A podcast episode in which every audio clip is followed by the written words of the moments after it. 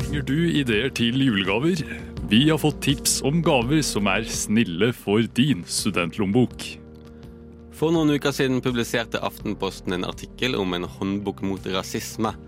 Radio Nova har snakket med forfatteren Kåre Skagen for å diskutere temaet. Slutten av semesteret betyr begynnelsen på eksamensperioden. Buhu, hvordan kan du unngå det verste stresset? Hei og velkommen til Studentnyhetene, og riktig god fredag formiddag. Jeg heter Samuel Åsrev Berntsen, og med meg i studio har jeg Daniel Johansen. Vi har flere spennende saker til deg i dag, men først skal du få ukens nyhetsoppdatering.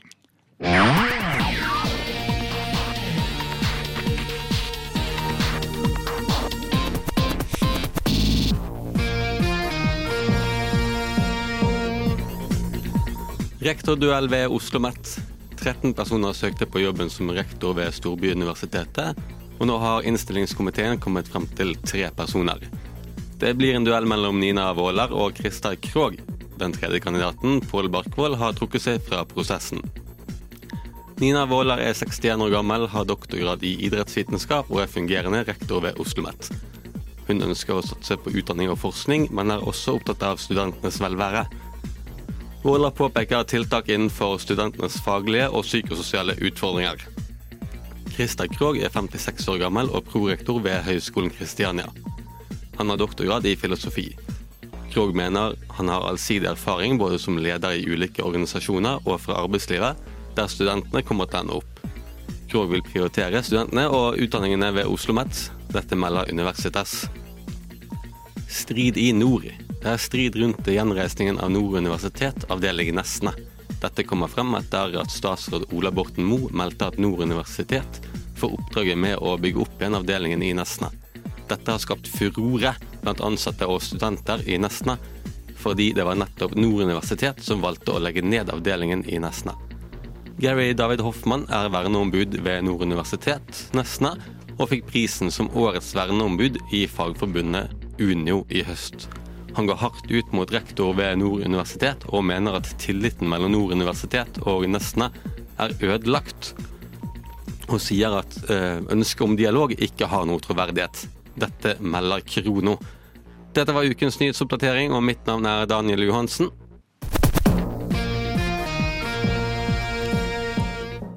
Denne uken falt den første snøen i Oslo, og byen er dekket av et hvitt teppe. Snart er det allerede andre søndag i advent. Ja, julaften nærmer seg med stormskritt, og derfor så har vi snakket med Fremtiden i våre hender om hvordan man finner på gaver som både er rimelige og miljøvennlige. Kanskje du, som jeg, blir litt stresset av å tenke på å fikse julegaver? Med skyhøye strømpriser og eksamenstid er kanskje ikke julegaver det første studenter har lyst til å tenke på. Derfor har Studentnyhetene snakket med Håvard Langmoen, kommunikasjonsrådgiver i Framtiden i våre hender, om hvordan man kan finne på gaver som både er snille mot lommeboka og mot miljøet. Men går det egentlig an å gjøre julegavetradisjonen miljøvennlig? Ja, ja, det tror jeg absolutt. Det er jo ikke noe galt i å droppe gaver. Men det går jo an å gjøre det veldig miljøvennlig også. Det finnes mange løsninger for det. Det å bare snu om på hvordan man eh, hvordan man gir gaver, og, hvor, og kanskje også hvordan man tenker om gaver. Da, eh, da kan det bli eh, ja, egentlig veldig miljøvennlig. Jeg tenker jo det som er bra for studenter, er jo at det fort er en sammenheng mellom det som er miljøvennlig, og det som er billig. Når man tenker på miljøvennlige gaver, så mener Håvard det er fire viktige kategorier. Opplevelser, tjenester, brukt og nyttig. Eh, opplevelser tenker jeg er veldig fint. Eh, også sånn å sette på ønskelista for studenter. Det kan være dyrt, men det er også veldig fint. Kunne støtte kulturbransjen litt. Ikke sant? Kjøpe gavekort på det andre teatret. Kjempefin gave å få eller å gi. Det trenger ikke å være så dyrt. Man kan gjøre det til en eh, kveld. Og hvis man skal gjøre denne billigere og gi bort, så kan man også gjøre noe som er på en måte mer eh, hjemmelagd, da. Når det kommer til tjenester som gaver, foreslår Håvard bl.a. å gi bort gavekort på middager med bestemor, eller barnepass av nevøer eller nieser. Det er også blitt vanligere å gi bort eller ønske seg reparasjon av noe du har. Eh, jeg ønska meg reparasjon av en jakke i fjor. Ja, Man kan jo ønske seg gavekort på, eh, hos en reparatør, på en måte. Eller Ja. man bare gir penger. Eh, eller så vil det jo ofte være noen i familien som er på det gode på å sy eller noe sånt. da. Så da var det, for min del var det bare søsteren min som fiksa det. Det var kjempefint. Jeg hadde ikke lyst på en ny jakke. Jeg ville bare ha at den var hel. Og det kan være veldig fint å gi bort også, hvis man kan noe. Og bare Dette kan jeg gjøre. Gi bort eh, barnepass til eh, broren din, så kan han se på fotballkamp mens du passer nevøen. Når det kommer til brukte gaver, så er det kanskje noen som kvier seg for å gi de. Et av de billigste alternativene du har, er jo å gi bort noe du eier selv, f.eks. en god bok i bokhylla di. Men er det innafor? Jeg tenker det er kjempebra, egentlig. Eller sånn, og jeg tenker det handler kanskje mest om sånn at man eh, fram at man mener noe personlig med det. Eh, for hvis man da også sånn, kanskje skriver en hilsen i boka, og da gjør det ikke noe at den ser litt skitt ut heller. Bare sånn 'Denne likte jeg skikkelig godt. Tenkte på deg'. Eh, og da er jo det en kjempebra gave. Jeg tror mange skammer seg over å gi det. Eh, men Finn gjorde en undersøkelse og fant ut at åtte av ti eh, sier de vil ha Eller ville vært like glade for en brukt gave som en ny. Den siste tingen Håvard mener man burde tenke på når man gir og ønsker seg gaver, er om den er nyttig. Bare det å skrive ønskeliste tenker jeg er kjempebra. Fordi det er jo veldig mange som ikke kjenner deg så godt, kanskje. Eller sånn, selv foreldre kan jo bomme veldig på gaver. Eh, så det å ha en tydelig ønskeliste, sånn 'jeg ønsker meg dette', og kanskje også si sånn 'jeg ønsker meg egentlig ingenting annet'. Eh, og så kan man jo da ønske seg nyttige ting, eh, som da kanskje er hyggeligere å få enn å kjøpe. Og kanskje også, for det har jeg hørt flere studenter gjør, altså man ønsker seg pensumbøker. Helt eh, miserabelt når man kjøper det. Man ser kontoen tømmes. Men å få det kan være hyggeligere. Kanskje også kan gjøre eksamenslesinga litt hyggeligere når man sitter der med pensumboka og kan tenke på at ja, fikk i hvert fall den.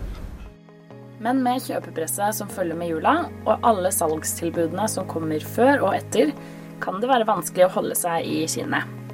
Men Håvard har et tips til å stå imot de fristende tilbudene. Det, det viktigste er kanskje det litt som ønskelista. Å være tydelig på hva man faktisk trenger. Eh, så kan man også, for det er ikke noe skam i å kjøpe ting på tilbud. Det kan være kjempebra. Eh, men eh, ja, fokusere på at det er nyttig, da.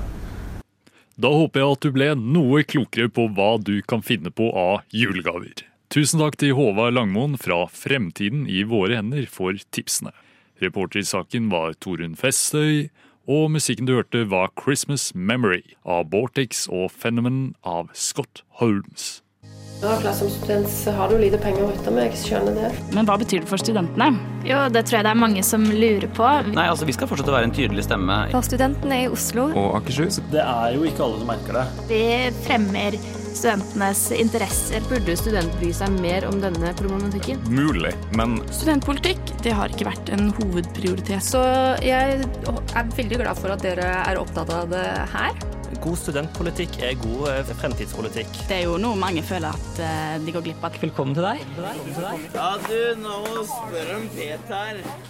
For å diskutere rasisme på skolen har vi bare snakket med forfatteren Kåre Skagen. Men vi har også tatt kontakt med en lærer som bekrefter noen av ideene og setter spørsmål på de andre. For noen uker siden publiserte Aftenposten en artikkel om en håndbok mot rasisme. Radio Nova har snakket med forfatteren Kåre Skagen for å diskutere temaet.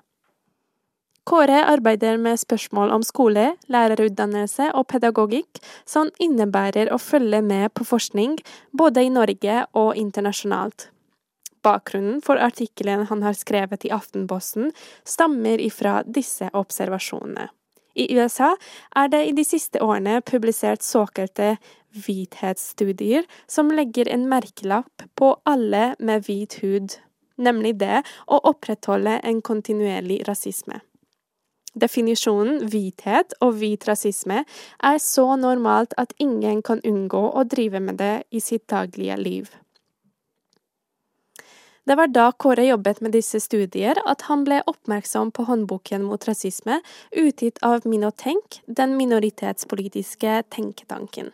Håndboken fra Minotenk sendes disse dager i tusenvis av eksempler i norske klasserom. Boken bygger på amerikansk kritisk raseteori, der denne hvite rasismen spiller en sentral rolle. I boken plasseres Norge som en slaverinasjon, og atlantisk slaveri fremheves som historisk identitetsskapende bakgrunn for rasisme i dag. Begreper som hvit overlegenhet, hvit privilegier blir også oversatt og tilpasset til norsk historie, kultur og språk. Vi har også tatt kontakt med en skolelærer som bekrefter noen av ideene fra håndboken, og setter spørsmål på de andre. Jonas har følgende å si om innføring av håndboken. Jeg har aldri hørt snakk om å innføre en sånn håndbok. Jeg har hørt om boka en gang tilbake. Jeg har lest artikkelen, men jeg føler på en måte at rasisme og, og diskriminering som tema det dukker opp i så utrolig mange fag. Og i tillegg er det blitt dukka opp veldig i, etter den nye læreplanen i 2020. Som da vil si at veldig mange som vokste opp på, på 90-tallet eller tidlig 2000-tallet, de vil få en veldig forskjellig De har fått en veldig forskjellig opplevelse fra den som unge barn får nå, da. Med henhold til rasisme og, og diskriminering i skolen. Til tross for at begrepet melaninrik er en beskrivelse på alle ikke-hvite folkeslag, passer ikke begrepet særlig godt på folkeslag fra Asia, Midtøsten og Nord-Afrika. Håndboken anbefaler å bruke dette ordet istedenfor ord som kan opptre rasistisk. Nye begreper som kan virke nedvurderende mot afrikanere, er også innført til det norske språk. Afrohat og afrofobi er eksempel på dette. I artikkelen til Kåre kjenner vi på en underliggende kritikk mot håndboken.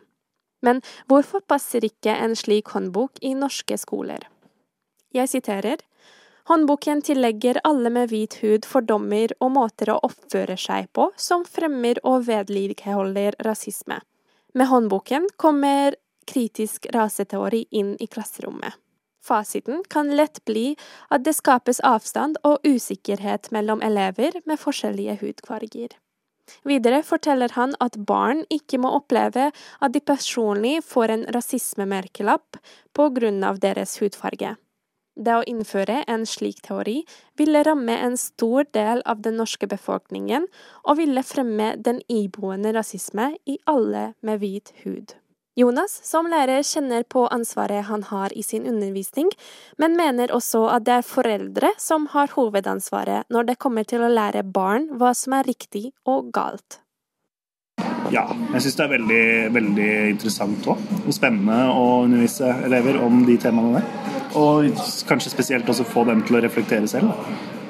Til slutt lurte vi på Radio Nova på hvordan innholdet av en slik håndbok kunne blitt innført i norsk skolegang og pensum. Kåre mener følgende, sitat, Rasisme som tema må undervises om i fagene historie, samfunnsvitenskap og norsk, og gjerne også i andre fag der det er naturlig. Han understreker det vi hørte fra Jonas, og mener at lærere har ansvar for å belyse slike temaer. Lærere må sette et kritisk søkelys på kritisk raseteori og presentere argumenter mot denne tenkningen. Det er også viktig at elever diskuterer om egne erfaringer av egne kunnskap. En sånn bok, som sagt Det, det her er litt min egen mening, da, men jeg tror en sånn bok det hadde Om de liksom plutselig skal ta et fag i uka, hvor en time i uka hvor man diskuterer det, det tror jeg det er det ikke plass til på timeplanen. Verken for elevene eller for lærerne. Så jeg tror en sånn bok vil bli innført på en måte overordna som et, et, hjelpemiddel, et verktøy man kan bruke i mange forskjellige fag for å hente inn f.eks. rasisme når man snakker om samfunnsfag, eller hente inn rasisme når man snakker om norsk litteratur. Kåre har også nevnt et mulig utfall av å bruke en slik håndbok i skoler der vold mot lærere ikke er uvanlig. Kristne verdier som har vokst sammen med humanistiske verdier, gitt et verdigrunnlag for dagens skole. Likeverd og likestilling er godt praktisert, men det kan være kritisk å fremheve rasisme på grunnlag av hudfarge. Hvithetsnormen vil slå negativt ut ikke bare på lærere med hvit hud, men også elever som representerer for en rase som fremmer og gjenskaper rasisme. Dette kan både øke vold og trakassering mot lærere og elever. Den kritiske raseteorien Den er jo veldig utbredt blant elever på videregående nivå i Oslo. Det må jeg bare si. Altså, de, de har hørt om det, og de snakker med sånne begreper sjøl. Og da er kanskje utfordringa heller å på en måte reflektere over er det den eneste måten å se på verden på. Er det andre måter å se på verden? Hva, hvordan kan vi bruke den teorien produktivt? da? Ja. Tusen takk til Jonas og Kåre Skagen for en fin diskusjon. Reporter i saken var Lilla Horvath. Før studentene kan sette inn full julestemning, må de gjennom eksamen. Dette kan by på mye stress som kan være vanskelig å takle. Studentnyhetene har derfor snakket med psykolog Lene fra SIO for å høre hva som kan hjelpe studentene gjennom eksamensstresset. For studenter er tiden før jul ofte preget av både hygge og stress. Før man kan pakke kofferten og reise hjem til familien, skal man nemlig ha eksamen og bevise at man faktisk har lært noe dette semesteret. Det kan godt hende at man går rundt med en konstant følelse av at man ikke har forberedt seg godt nok, til tross for utallige timer på lesesalen. De siste to årene har det i tillegg vært en pandemi hengende over studentene som en mørk sky, som trolig ikke har gjort ting lettere. Jeg er sikkert ikke den eneste personen som har googlet f.eks. eksamensstress for å sjekke om det er noen tips og triks som kan hjelpe meg i eksamenstiden, og har blitt møtt av en overflod av informasjon. Dette kan være ganske vanskelig å navigere seg gjennom, og i et forsøk på å gjøre ting litt enklere, har vi i Studentnyhetene snakket med Lene, som er psykolog i SIO, for å høre om hun har noen råd. Hjernen din jobber så man trenger litt hvile. Lene kan fortelle meg at SIO merker en stor pågang, særlig fra oktober, nesten hvert år. Disse henvendelsene dreier seg da om forskjellige ting, som f.eks. vansker i livet og relasjoner, ensomhet, engstelse eller generell nedstemthet. Jeg lurte også på om SIO kunne merke at pandemien har påvirket studentene. Det har jo påvirket studentene i stor grad, vil jeg si. Særlig de førsteårsstudentene, de nye studentene, som ikke har fått etablert et nettverk og kommet i gang sånn som de skulle, dessverre. Så det er jo klart at uh, mange har kjent seg mer ensomme, og det har jo blitt en stor skuffelse at det å liksom bli student og oppleve mye spenning og gøyale ting ikke ble sånn, da. Selv om universitetene nå er åpne, kommer man seg allikevel ikke unna eksamensstresset. Hva er dine tips for å ha en litt mer behagelig eksamensperiode?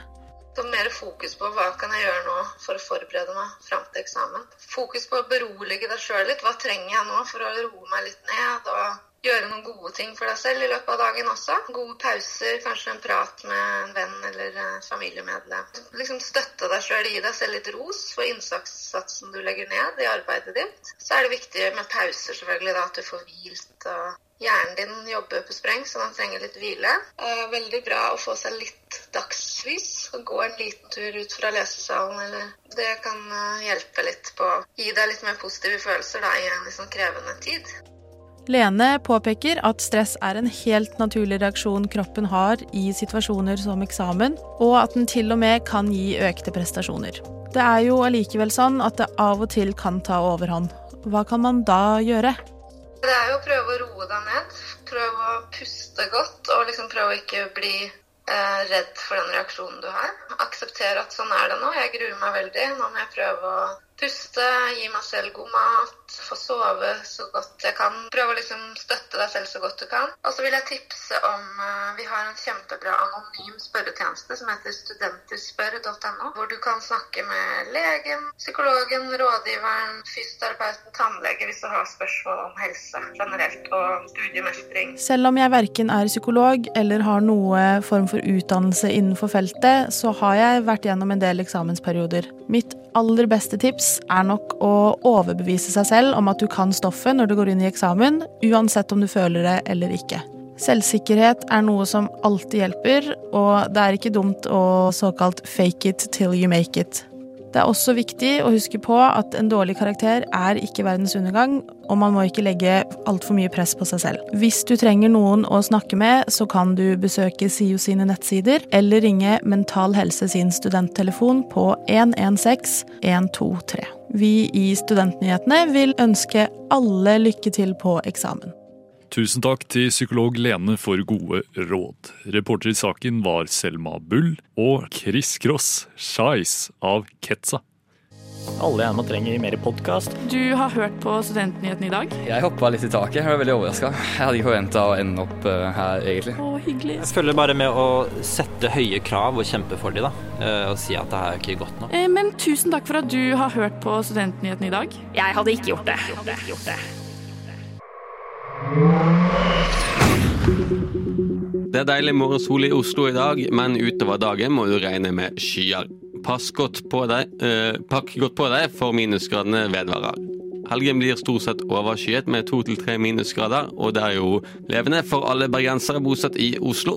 Forvent svak vind, så husk skjerfet når du går ut. Værmeldingen er hentet fra yr.no, og mitt navn er Daniel Johansen.